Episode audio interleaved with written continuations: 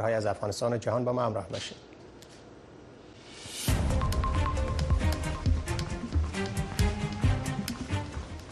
سرخط سه خبر مهم در برنامه امروز تلویزیون آشنا صدای آمریکا از واشنگتن.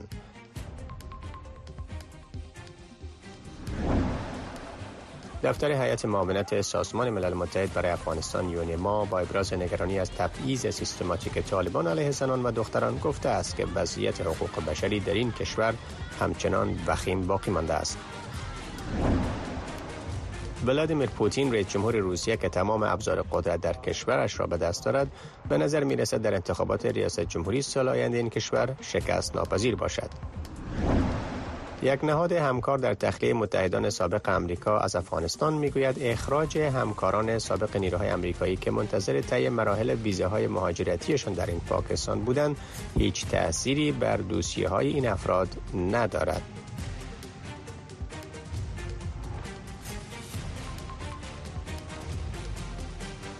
سلام بینندگان گرامی به برنامه امروز خوش آمدین. امروز یک شنبه دهم ماه دسامبر سال 2023 میلادی هست. برنامه امروز به طور مستقیم از طریق وبسایت و فیسبوک تلویزیون آشنا صدای امریکا و همچنین در رادیو روی موج متوسط 972 کیلوهرتز به نشر می‌رسد. من محمد احمدی هستم.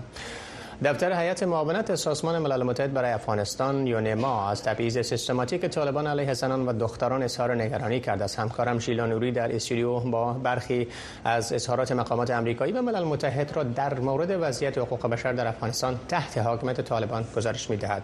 تحلیل این موضوع و بررسی حکومت تصمیم حکومت امریکا در مورد بس تحریم ها تحریم ها بر دو مقام طالبان به خاطر سرکوبی آموزش زنان و دختران را با آقای داوود قیومی پژوهشگر مطالعات صلح و امنیت در دانشگاه لورنشن بحث می‌کنیم که از کانادا با ما هستند. با ما همراه باشین. نخست با خبرهای از افغانستان.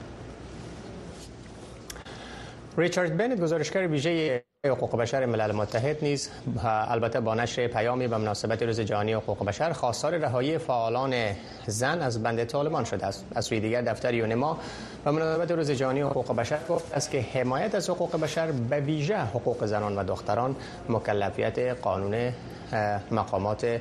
البته محاکم است. همکارم ژیلا نوری گزارش های مربوط به این رویداد را گرده هم آورده و اکنون در استودیو با ما از ژیلا جان نخست واکنش ها در مورد روز جهانی حقوق بشر و وضعیت آن در افغانستان را گزارش بدیم تشکر آقای احمدی. امروز دهم دسامبر به مناسبت 75 سالگرد روز جهانی حقوق بشر.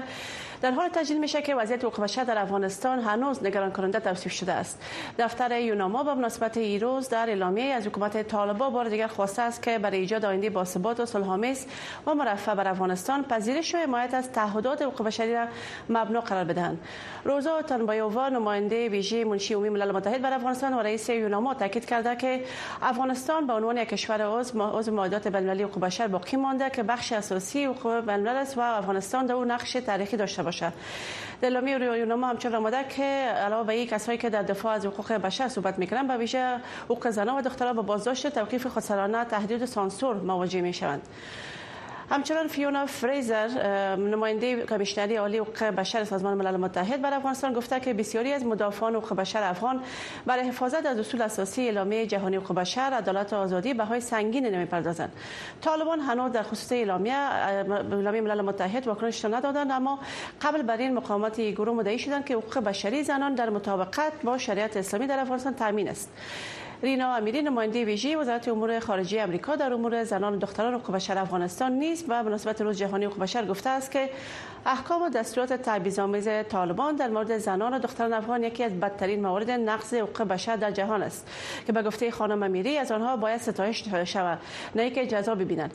و گفته او همچنان احکام تبعیض‌آمیز طالبان زنان و دختران هدف قرار می‌دهد.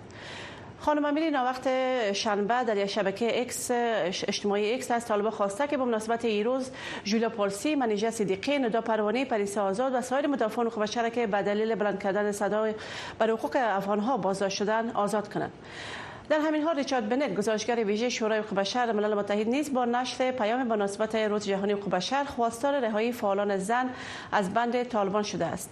بنت در پیام خود گفته که من از طالبان می‌خواهم که سالگرد تصویب اعلامیه حقوق بشر با آزاد کردن تمامی مدافعان حقوق بشر که به دلیل دفاع از حقوق بشر در بازداشت شدن به شمول چهار زن که فعال که از 19 سپتامبر در افغانستان بازداشت شدن تجلیل کنه همزمان با روز جهانی حقوق بشر کمیته مدافعان حقوق بشر در نامه سرگشاده خواستار تقویت مکانیزم های امنیتی برای جلوگیری از اقدامات ظالمانه طالبان علیه مدافعان حقوق بشر در کشور و اولویت دادن به آنها شده است.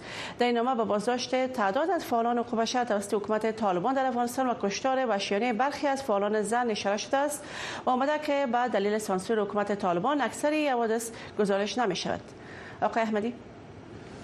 تشکر همکار عزیز که جزئیات بیشتر را در مورد نگرانی ملل متحد و واکنش سایر مقام های جهان در این باره بیان داشتین. در که همکارم پیشتر گزارش داد روزا اوتان بایبا نماینده ویژه منشی عمومی ملل متحد برای افغانستان و رئیس سینما یونما گفته است که با وجود بهبود وضعیت امنیتی در نتیجه کاهش خشونت های مسلحانه پس از اگست سال 2021 وضعیت حقوق بشر در افغانستان همچنان وخیم است. در این حال وزارت خارجه آمریکا اعلام کرده است که حکومت آمریکا فریدالدین محمود رئیس آکادمی علوم و خالد حنفی وزیر امر به معروف و نهی از منکر طالبان را در فهرست تحریم ها اضافه کرده است. برای بررسی و تحلیل این دو موضوع با آقای داوود قیومی پژوهشگر امنیت و صلح در دانشگاه لورنشن کانادا اکنون بحث می‌کنیم که از طریق آنلاین با ما در تماس هستند. آقای قیومی سلام روزتان بخیر. یون ما گفته که این اداره به مستند کردن موارد کشتارهای غیر قانونی شکنجه و بدرفتاری شکنجه بدنی بازداشت خودسرانه و سایر موارد نقض حقوق زنان در افغانستان ادامه میده به نظر شما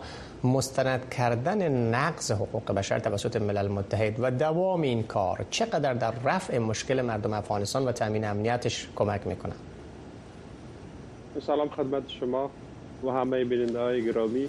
خب ببینین بحث نقص حقوق بشر از آغاز شکلگیری مجدد حکومت طالبا بارها مطرح است. هم از طرف نهادهای حمایت از حقوق بشر هم از طرف رسانه های بین المللی خب در واقع وقتی که بحث در مورد حقوق بشر از جانب جامعه جهانی و کشورهای مختلف با طالبا صورت می‌گیره عمدتا طالبا انکار می‌کنن. وضعیتی که فعلا در افغانستان مخصوصا وضعیت فعلی افغانستان یک وضعیت خوب تلقی میشه. من فکر می‌کنم مستند سازی که البته یوناما برنامه داره نقضی سیستماتیکی حقوق بشر که در افغانستان صورت گرفته. خب ممکن است تا حدودی نقض حقوق بشر محدود بسازه. در صورتی که پس از این مستند سازی و گزارش هایی که در این مورد نشر میشه و ملل متحد به اصطلاح موفقیتی در, در زمینه دست پیدا می‌کنه. اگر در صورتی که فشار از طرف یوناما و سازمان ملل متحد بیشتر شود ممکن است تا حدودی به عمل کردی طالبا اثر بگذاره. اما تا زمانی که یک تحول جدی در افغانستان ایجاد نشه ما فکر می‌کنم که به شکل اساسی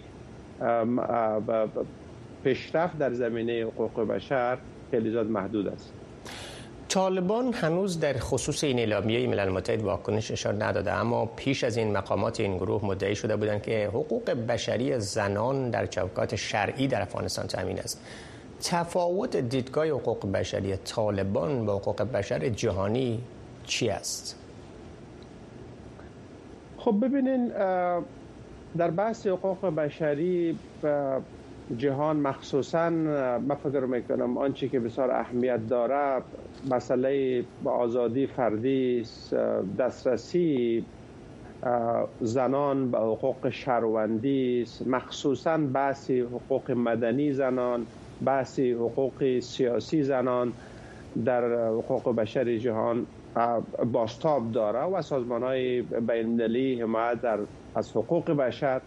و بارها در این زمینه تاکید داشتند که تا زمانی که جوامی که جنگ طولانی را سپری کردن به ویژه جوامی جنگ زده افراد و شهرونداش مخصوصا زنان به حقوق شهروندی که بر اساس معیارهای بین‌المللی تاکید شده دست پیدا نکنند خب نمی‌توانند به پیشرفتی اساسی دست پیدا بکنند چرا؟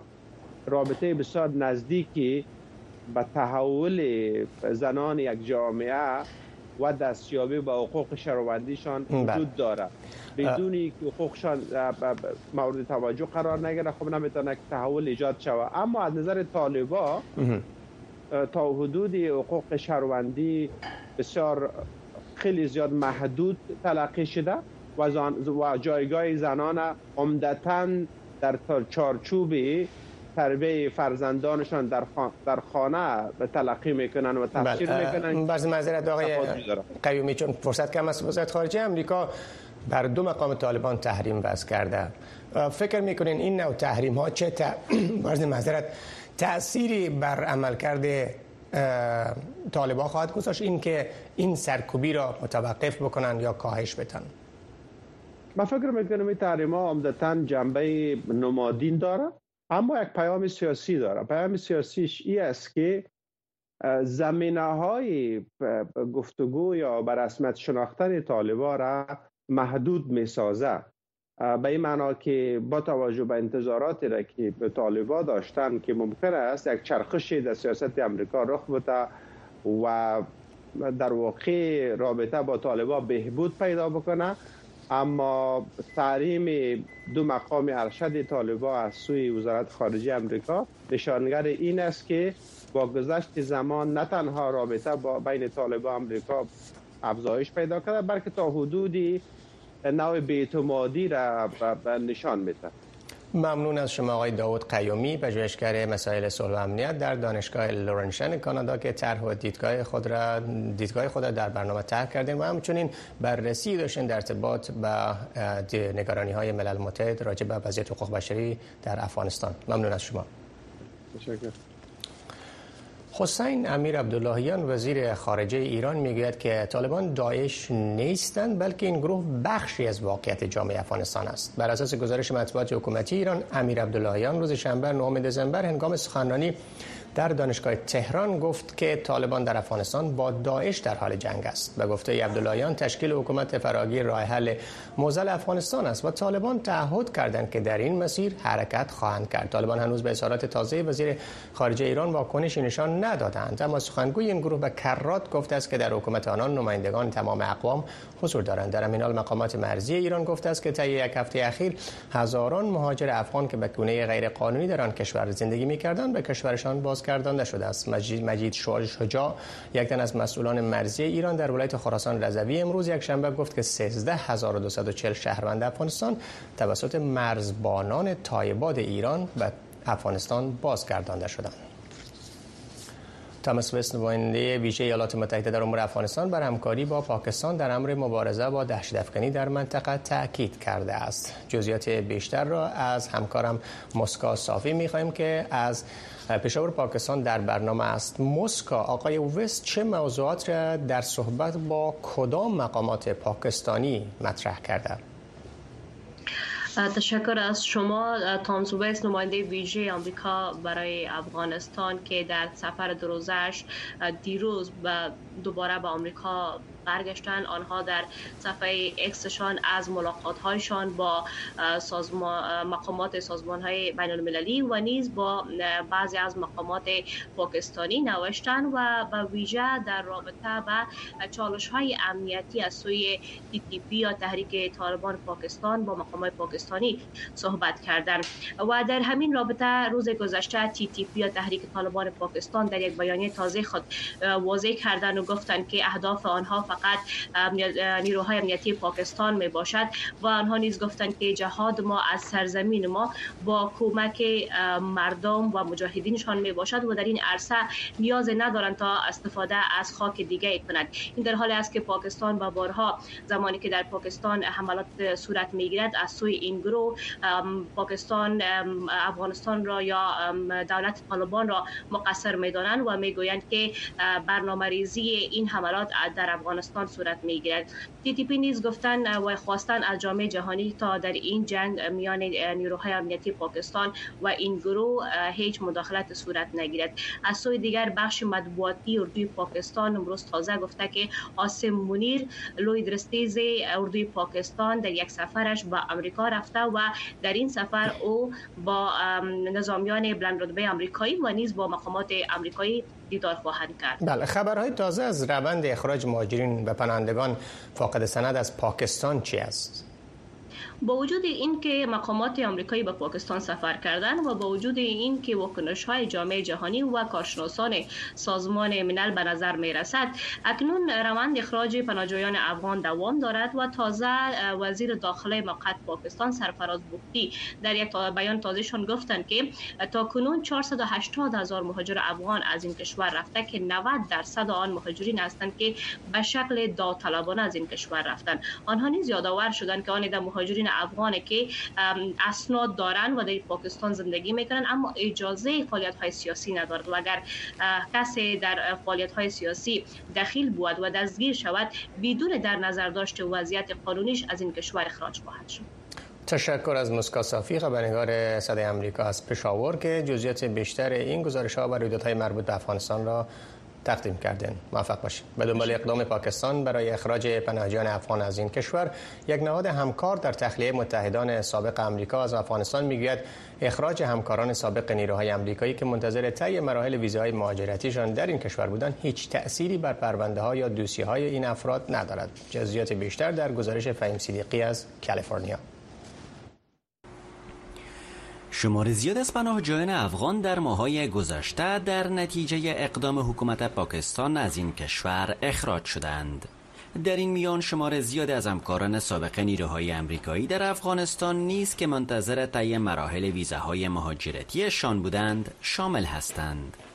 یک نهاد همکار در تخلیه این پناهجویان در تلاش است تا دولت پاکستان را قانع سازد که مراکز اسکان مجدد برای این پناهجویان در پاکستان تأسیس کند. شان وندوور رئیس مؤسسه افغانی وک می‌گوید با این پناهجویان بدون وقفه در تماس است و در همکاری با وزارت خارجه امریکا به پرونده های این پناهجویان رسیدگی می شود. ما دیدیم که بیش از 100 افغان منتظر آمدنشان به امریکا بودند. اخراج شدند و باید آنها مطمئن باشند که وزارت خارجه امریکا از آنها خبر دارد و آنها نوبتشان را با رفتن به افغانستان از دست نمی‌دهند و از مزایایی که قبلا مستفید می شدند اکنون هم مستفید می شوند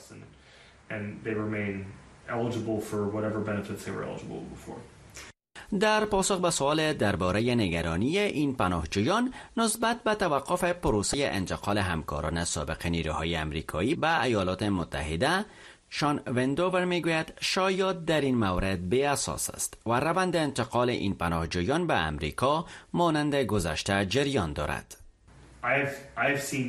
من در هیچ نهاد دولتی ندیدم که بخواهند این پروسه متوقف شود و هیچ کسی حاضر نیست جلوی آنها را بگیرد. ما شاهد این هستیم که هر روز افغانها به امریکا میآیند و این پروسه همچنان ادامه دارد. و شما باور نکنید به هر چیز که در اینترنت می‌بینید شما می توانید به وبسایت ما مراجعه کنید و یا هم به وبسایت وزارت امور خارجه مراجعه کنید. در حالی که روند انتقال افغانهایی که در افغانستان و پاکستان هستند به کندی به پیش می رود آقای شان می گوید هزاران امریکایی همکنون در انتقال و اسکان مجدد افغانها مصروف هستند. این بسیار مهم است که همکاران ما بدانند که آنها فراموش نشدند و هزاران امریکایی غیر نظامی رضاکارانه به خاطر افغانها صبح بیدار می شوند بعضیشان بیدار می شوند که افغانها را به همسایگی خود خوش آمدید بگویند و بعضیشان بیدار می شوند تا دادخواهی کنند برای همکاران افغان خود. با اینکه ایالات متحده امریکا همزمان با خروج کامل از افغانستان در سال 2021 بیش از 100 هزار افغان به شمول چندین هزار متحد سابقشان را از افغانستان تخلیه کرد اما روند انتقال بقیه همکاران نیروهای امریکایی در دو سال گذشته همچنان جریان داشته است. مسئولان دولت امریکا پیش از این وعده کرده بودند تا تمامی همکاران سابقشان را از افغانستان به ایالات متحده انتقال بدهند.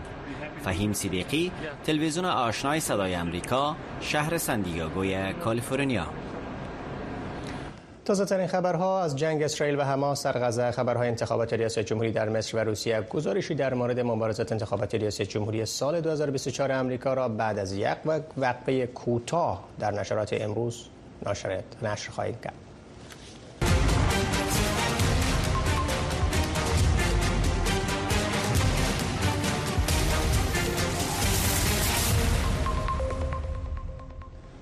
درگیری های سنگین در طول شب و تا روز یکشنبه در سراسر غزه از جمله در شمال آن منطقه ادامه یافت. این در حالی است که اسرائیل پس از اینکه ایالات متحده از آخرین فشار بین المللی برای آتش بس جلوگیری کرد و مهمات بیشتری را به متحد نزدیک خود فراهم کرد حملات خود را ادامه داد. جزئیات این گزارش را از همکارم می‌بینید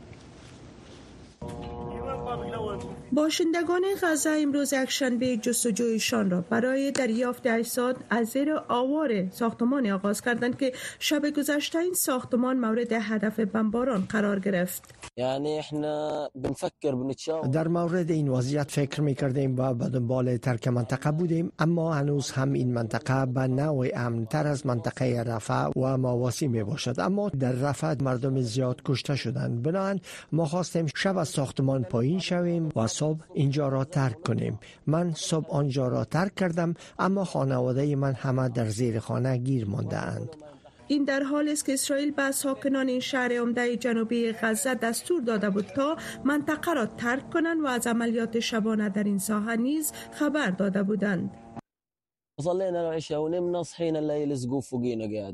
ما نماز را ادا کردیم و بعدا خوابیدیم. زمانی که بیدار شدیم دیگر سقف نداشتیم. من فریاد زدم که کی زنده است.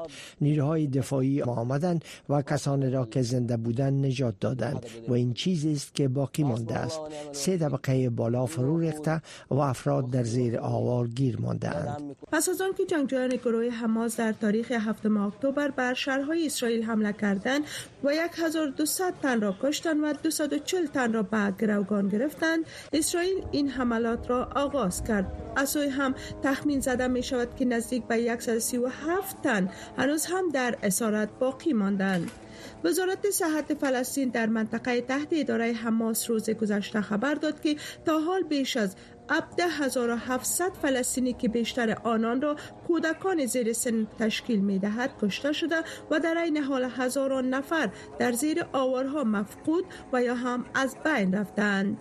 این در حال است که شش تن که دو تن از آنها کودکان می باشد از خانواده های عبدالوهاب و اشرام که شنبه شب در حمله هوای اسرائیل کشته شدند امروز یک شنبه برای دفن آماده می شوند و همسایه ها و خانواده ها در شفاخانه ناصر گرده هم جمع شده بودند تا برای بستگانشان به شمول روزم الاشرام که شوهرش در میانه کشته شدگان بود سوگواری کنند.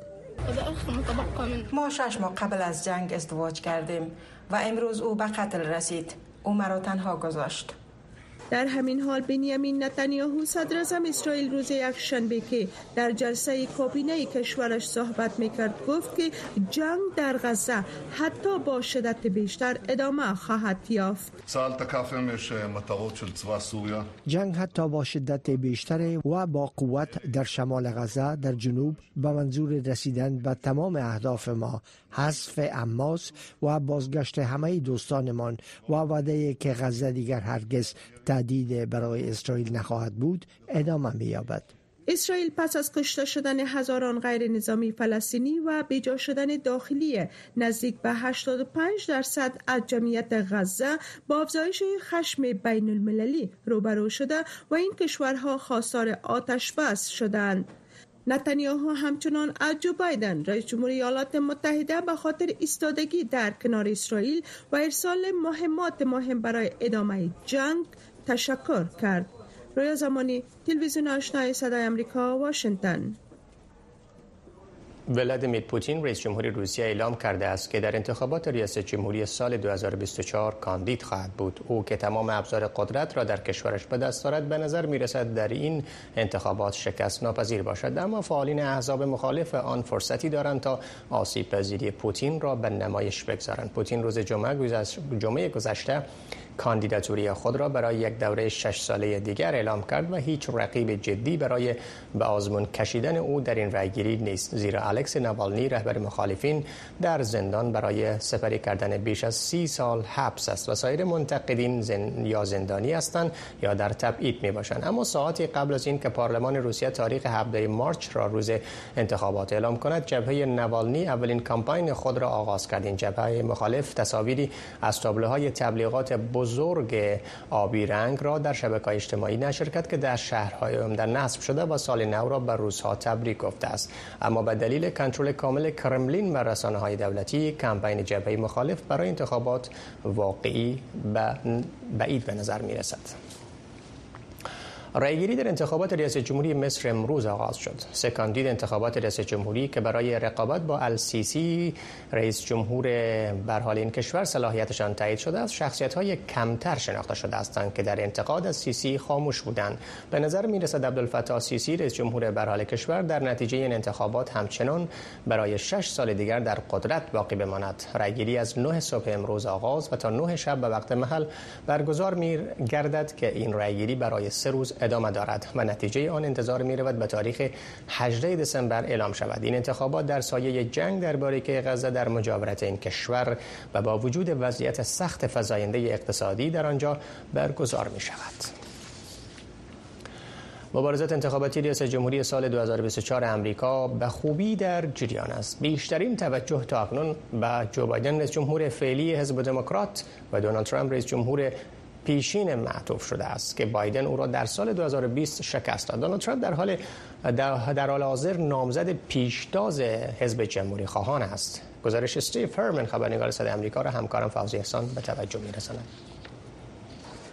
بسیاری از حامیان دونالد ترامپ همچنان به دروغ معتقدند که جو بایدن انتخابات 2020 را دزدیده و رئیس جمهور سابق قربانی آزار و اذیت سیاسی شده است. نیمی از رای دهندگان احتمالی حزب جمهوری خواه در نظرسنجی ها می‌گویند که هنوز از ترامپ در مقابل رقبای اصلی او حمایت می کنند. این برای کسانی که لفاظی های ترامپ را مطالعه می کنند از جمله جنیفر مرسیکا استاد ارتباطات در پوهنتون پوهنتون ام اند ام تگزاس قابل تعجب نیست.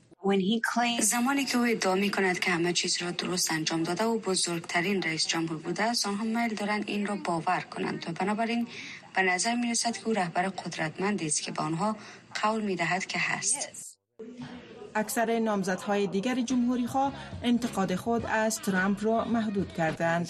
نیکی هیلی نامزد جمهوری خواه ریاست جمهوری سفیر ترامپ در سازمان ملل بود.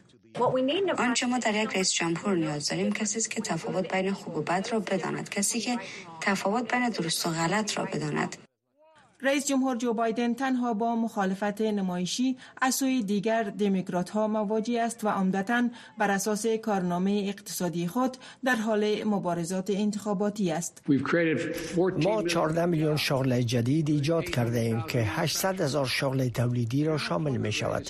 میزان بیکاری در طولانی ترین دوره پایین تر از 4 درصد باقی مانده است. طولانی ترین مدت در بیش از 50 سال. ماش خانواده های کارگر افزایش یافته است در حالی که تورم 65 درصد کاهش یافته است. ترامپ و بایدن هر دو می‌گویند که برای نجات امریکا از تهدیدات وجودی ناشی از طرف دیگر تلاش می کنند. کشور ما به سوی جهنم می رود. کشور ما در حال نابودی است. با هم با دروگوها بازندگان خزنده ها منحرف ها و آدم های عجیب و غریب افراطی چپ که مانند انبوهی از ملخ ها آینده این کشور را می بلند مقابله خواهیم کرد. بایدن می‌گوید بخشی از دلیل کاندید بودن مجدد او جلوگیری از بازگشت ترامپ به قصر سفید است و اگر او خواهان شرکت در انتخابات است من نیز باید چنین باشم. فوزی احسان تلویزیون آشنا صدای امریکا واشنگتن. بینندگان گرامی این بود داشته های برنامه تلویزیون آشنا صدای آمریکا که تا لحظات بعد شما شنونده و بیننده نشرات رادیو آشنا خواهید بود که از طریق فیسبوک و وبسایت طور زنده نشر می شود سپاس از همراهی شما با برنامه امروز